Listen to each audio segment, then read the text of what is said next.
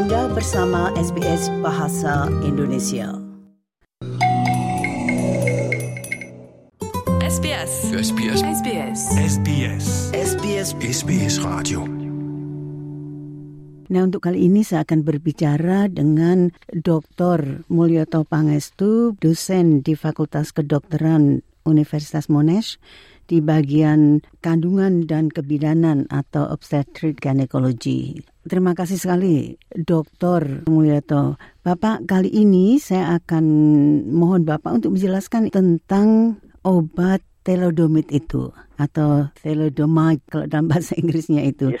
Karena pemerintah Australia itu pada hari Rabu telah meminta maaf itu kepada para katakanlah korban dari mereka-mereka yang ibunya pada waktu mengandung itu meminum obat tersebut. Ya. Jadi apa telodomid itu? Terima kasih Bu Sri. Jadi talidomid itu satu obat yang ditemukan sekitar tahun di akhir 50-an. Dan obat itu digunakan untuk wanita hamil yang mengalami morning sick ya, nyidam atau mutah-mutah, mual-mual. Nah, jadi pemberian talidomid ini ternyata sangat efektif. Karena wanita-wanita yang hamil itu jadi tidak merasa mual atau ya mutah-mutah ketika pagi hari. Dan karena efektivitas obat ini, maka obat ini cukup populer dan diberikan di Banyak negara. kepada banyak negara. Masuk di antaranya adalah Australia. Memang katanya ada 45 negara paling tidak. Nah, apakah Ya. Indonesia juga termasuk pada waktu itu? Eh, Atau justru ada tidak? beberapa isu bahwa itu sampai Indonesia ya. Start tonton itu, tapi lebih banyak itu di daerah Eropa, kemudian Amerika, Jepang, dan Australia. Itu yang paling banyak. Konsumsi talidomid dan angka kelahiran bayinya. Nah, kapan itu diketahui dampaknya bahwa telodomid itu sangat berbahaya atau tidak bagus? Jadi ketika ibu hamil diberi talidomid, maka bayi yang dikandungnya akan mengalami kegagalan pertumbuhan lengan dan kaki. Dan awalnya tidak begitu disadari, jadi baru disadari betul sekitar tahun 50-60 dan Australia bisa dikatakan agak terlambat karena Australia menarik talidomid atau melarang pemberian talidomid baru 25 November tahun 61. Sedangkan di beberapa negara Eropa, Jerman dan semua itu sudah menarik di tahun-tahun eh, 60-an, jadi beberapa bulan lebih awal. Ada alasannya? Alasannya karena kemungkinan bukti bahwa efek talidomid di Australia tidak muncul. Jadi waktu itu kan karena tahun-tahun itu mungkin pengetahuan genetik teratologinya kurang belum begitu bagus ya. Kemudian alat ultrason juga belum ditemukan. Jadi kita baru melihat namanya bayi sehat, bayi normal tidak normal ketika lahir, bukan ketika dalam kandungan. Jadi keterlambatan ini memang eh, keterbatasan saat itu memang mengakibatkan kita semua terlambat dalam mengetahui apa yang terjadi di dalam kandungan itu. Di Australia itu sebenarnya hanya sempat beredar sekitar awal tahun 60-an baru ditarik lagi, eh, sorry, satu setengah tahunan ya, sekitar itu. Nah, ketika itu ditarik, memang hasil dari apa namanya Penelitian? pengamatan atau bayi-bayi yang lahir di Eropa di negara yang mengalami kecacatan dan juga di Australia. Nah, setelah mereka mengetahui itu, baru Australia juga ikut menarik talidomid dari peredaran. Memang kalau tidak keliru itu di sini yang tercatat atau yang masuk ke registrasi itu adalah 146. Tapi itu kan yang dicatat, mungkin ada yang tidak tercatat kan begitu. Nah, rupanya sejak tahun 2019 itu dari pihak Partai Hijau itu telah memulai semacam Iya, parliamentary inquiry, itu. iya. Nah, ini mengapa baru setelah sekian lama itu diadakan pe- penyidikan lah? Kalau pemeriksaan memang sejak tahun 61 ya, dianggap selesai dalam artinya begini. Jadi masih terkait dengan permohonan maaf. Ini memang agak sedikit saya katakan kontroversi dan tidak ya. Jadi pemerintah sekarang ini menyadari kesalahannya ketika mereka mengizinkan beredarnya obat talidomid di tahun 60 sampai 61. Yang perlu diperhatikan saat ini itu karena apa? Cukup banyak yang menjadi korban ya di Australia. Memang tidak sebanyak yang di Eropa, tetapi angkanya cukup signifikan. Dan sampai saat ini masih ada sekitar 140 yang tercatat ya. Nah, yang tercatat ini sebetulnya adalah mereka yang kebetulan bisa lahir. Pertanyaannya adalah, apakah talidomid juga mengakibatkan bayi yang dikandung itu gugur atau hilang, miskram? Nah, yang semacam ini memang tidak tercatat, gitu artinya catatannya kurang banyak. Nah, ini yang yang seperti gunung es ya, Ya. yang lahir kira-kira 10 ribu, tetapi yang tidak bisa lahir berapa? Nah, di beberapa negara seperti di Kanada, mulai tahun du- 91 Kanada itu sudah memberikan support kepada orang-orang korban talidomid. Jadi orang-orang yang lahir akibat talidomid. Kemudian tahun 2010 eh, UK juga meminta maaf kepada korban talidomid. Nah, Australia kalau dilihat dari apa yang ada di UK, apa yang di Kanada, nampaknya agak sedikit terlambat gitu loh. Karena Kanada sendiri tahun 91, di Inggris tahun 2010, nah Australia itu kalau dibandingkan dengan Kanada sudah tertinggal 32 tahun. Ada alasan tertentu itu kira-kira? Saya kurang tahu, mungkin ini adalah goodwill dari pemerintah ya. Artinya kan tentunya pemerintah tidak hanya sekedar eh, eksekutif, tetapi juga dari parlemen, terutama kalau dari eh, Partai Hijau meminta adanya permohonan maaf, saya kira ini satu langkah yang sangat baik. Namun demikian, bahwa dari sekian banyak yang lahir, sekarang tersisa tinggal 140. Yang 140 orang ini sudah lebih dari 50 atau 60 tahun lah ya, katakan sekarang 60 tahun. Mereka bergelut dengan keterbatasan dalam diri mereka.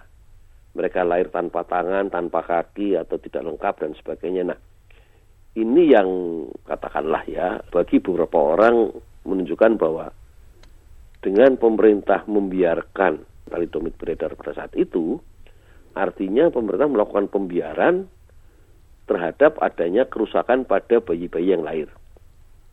Ketika lahir, waktu itu pemerintah kemungkinan tidak memberikan santunan atau tidak memberikan perhatian. Nah, ini yang akhirnya jalan terus sampai sekarang. Jadi kalau Bu Sri bayangkan bahwa dari kira-kira sekian banyak yang lahir, di Australia registernya sekarang hanya tinggal 140 orang. Nah, kita tidak tahu sebetulnya berapa, Berapa jumlah yang yang sudah ya. mengalami itu dari awal dari sejak lahir sampai apakah mereka survive hidup, apakah mereka tidak mengalami trauma, stres, apakah mereka ya maaf saja mungkin ada yang sakit, bunuh diri dan sebagainya. Nah ini hal-hal yang mungkin belum jadi perhatian karena apa? Kalaupun kita akan memberikan perhatian kepada orang tua anak-anak ini, tentunya Mungkin sudah tidak ada. mungkin sudah tidak ada gitu kan. Tetapi dengan adanya 140 orang ini saya kira satu apa ya tanda-tanda baik dari pemerintah untuk memberikan support kepada mereka. Memang itu yang didesak oleh Partai Hijau bahwa dukungan yang apa terus-menerus itu tetap diberikan. Itu maksudnya. Tapi memang kalau tidak keliru class action atau tuntutan secara umum itu sudah dilakukan juga itu kalau saya tidak keliru di Australia. Nah, Iya. Dari sudut medis itu mengapa dampaknya membuat tangan dan kaki yang tidak bisa tumbuh dengan benar itu bagaimana itu? Jadi begini, di dalam talidomid itu ada komponen yang nantinya mampu menghambat perkembangan tangan dan kaki. Jadi mulai ditemukan tahun 57, kemudian mereka melakukan tes, tapi isunya pada saat itu tes itu tidak begitu lengkap. Dan ketika bayi tumbuh, jadi bayi itu kan tumbuh dari mulai badan dulu, kemudian nanti tangan dan kaki belakangan. Ketika ibu yang hamil muda ini meminum talidomid, maka ada komponen gen atau genetik yang seharusnya bisa membuat tangan dan kaki tumbuh, mereka berhenti di situ. Akibatnya bayi-bayi yang lahir itu bisa misalnya, kalau yang sudah terlanjur punya tangan, maka tangannya tumbuh tetapi jarinya tidak keluar. Kalau yang sama sekali belum, maka bisa saja tangannya tidak muncul sama sekali. Ini yang bisa terjadi. Jadi buntung Daripada- begitu seolah-olah. Buntung Iya. sejak lahir. Ya, tapi tidak putus itu, ya, tapi tidak tumbuh saja. Itu. Jadi bisa Iya. jarinya tidak keluar, bisa seluruh tangannya tidak keluar dan sama demikian juga dengan kaki. Itu berpengaruh atau tidak terhadap organ-organ tubuh yang lain? Nah, menariknya, korban talidomid ini hanya mengganggu perkembangan tangan dan kaki, tetapi tidak mengganggu perkembangan organ di dalam tubuh. Artinya tidak secara Medis. tidak merusak organ di dalam tubuh. Jadi tidak mengherankan seandainya beberapa anak korban talidomid mereka beruntung bisa menikah, mendapat pasangan, berkeluarga. Nah, ini yang yang menarik. Jadi ternyata ada juga anak korban talidomid yang mengalami ya, kecacatan itu ya. Kemudian mereka menikah dan punya anak. Nah, ini ini yang sedang menjadi perhatian apakah anaknya normal efek negatif ya cucunya atau anak dari korban talidomid akan normal atau tidak. Itu. Nah, tapi begitu diketahui pada waktu itu, ini kan berarti 61 itu Tahu. sudah ya dan di Kanada 1991 misalnya ya. sudah ada ribut-ribut lah begitu. Ya. Nah, dari dunia medis apakah tidak langsung berpikir bahwa wah kalau di luar negeri itu ada begini begini kemungkinan itu pasti ada di Australia, kan begitu kan? Karena ya, memang betul. pernah ada. Nah, apakah selama ini tidak ada pelacakan terhadap korban itu sendiri dan pelacakan terhadap mereka-mereka yang katakanlah kebetulan dapat menikah dan beranak bagaimana selanjutnya itu? Jadi memang kalau dari apa yang saya baca dari pemerintah terus melakukan registrasi ya pencatatan siapa saja bayi-bayi yang waktu itu korban talidomid. Oleh karena itu pemerintah bisa menyatakan bahwa sampai saat ini tinggal 140 orang yang masih ada, bukan hanya 140 yang hidup lahir ya, tapi mungkin sudah yang meninggal entah gimana gitu kan. Ini yang tercatat.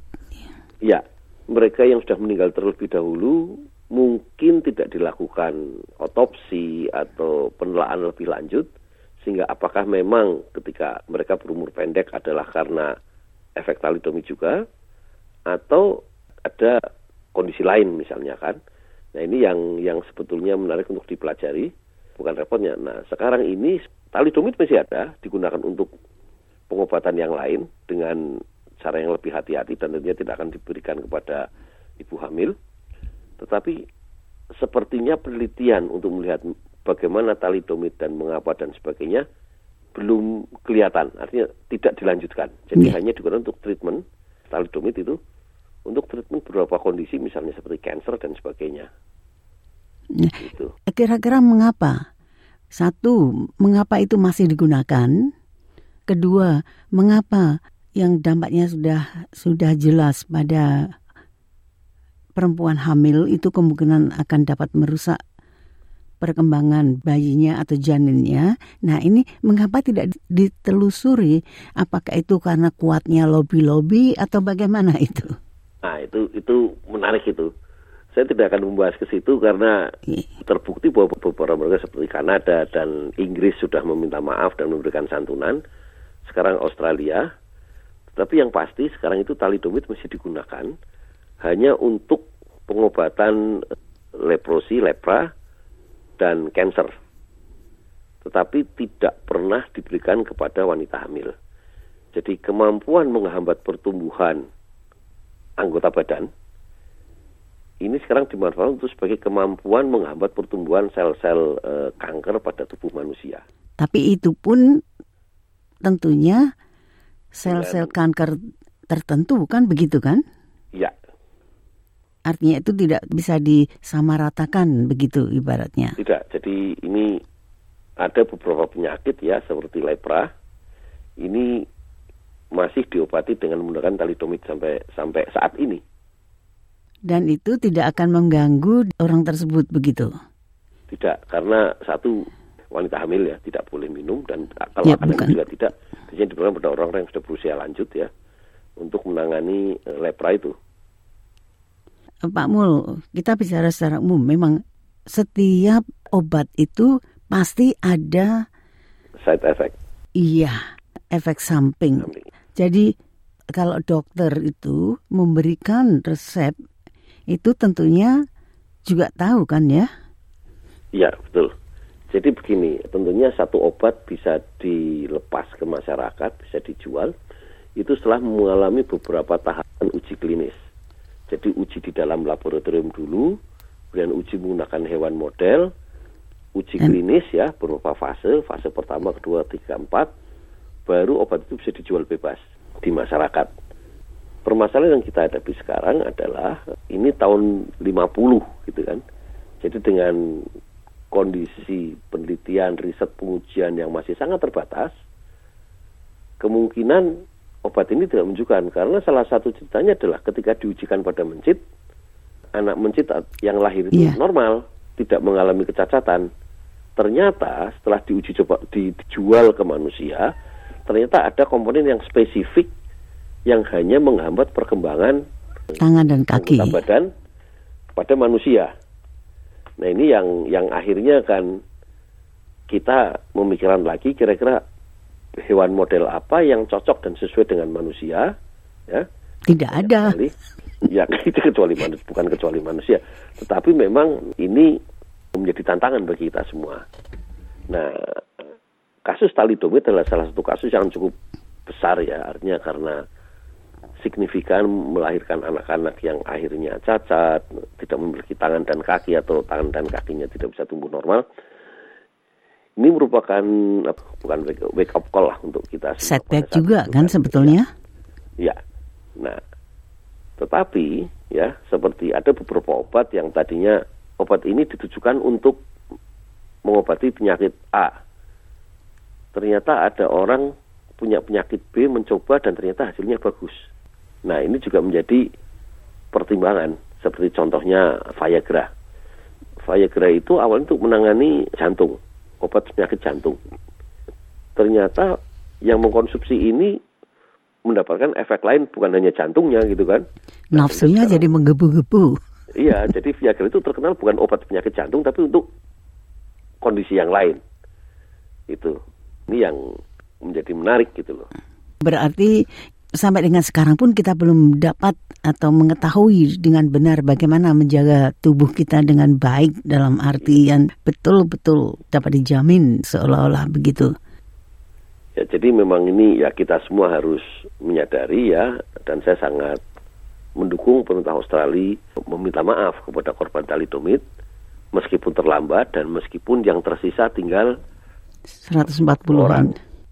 Yang menarik sekali adalah kalau misalkan ada suatu penelitian lebih lanjut nantinya yaitu untuk melihat mengapa penghambatan itu hanya terhadap anggota tubuh kita dan juga bagaimana bagi mereka yang tadi Dr. Mulyoto katakan sempat berumah tangga itu yang juga mungkin akan menarik untuk ditelaah atau untuk diikuti sebetulnya? Ya, jadi memang pemerintah Australia dan semua pemerintah itu sudah mulai peduli dan mereka juga melihat bagaimana karena kan kondisi ini kita tidak berharap bahwa suatu saat efeknya akan muncul pada generasi ke 3, 4, 5 atau seterusnya kan.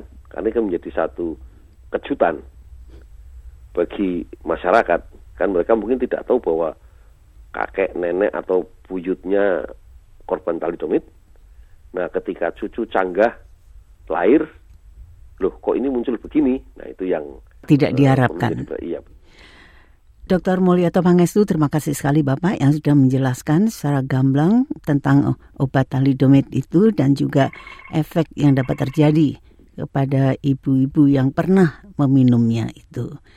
Terima kasih dan sampai jumpa. Terima kasih kembali. Sampai jumpa lagi.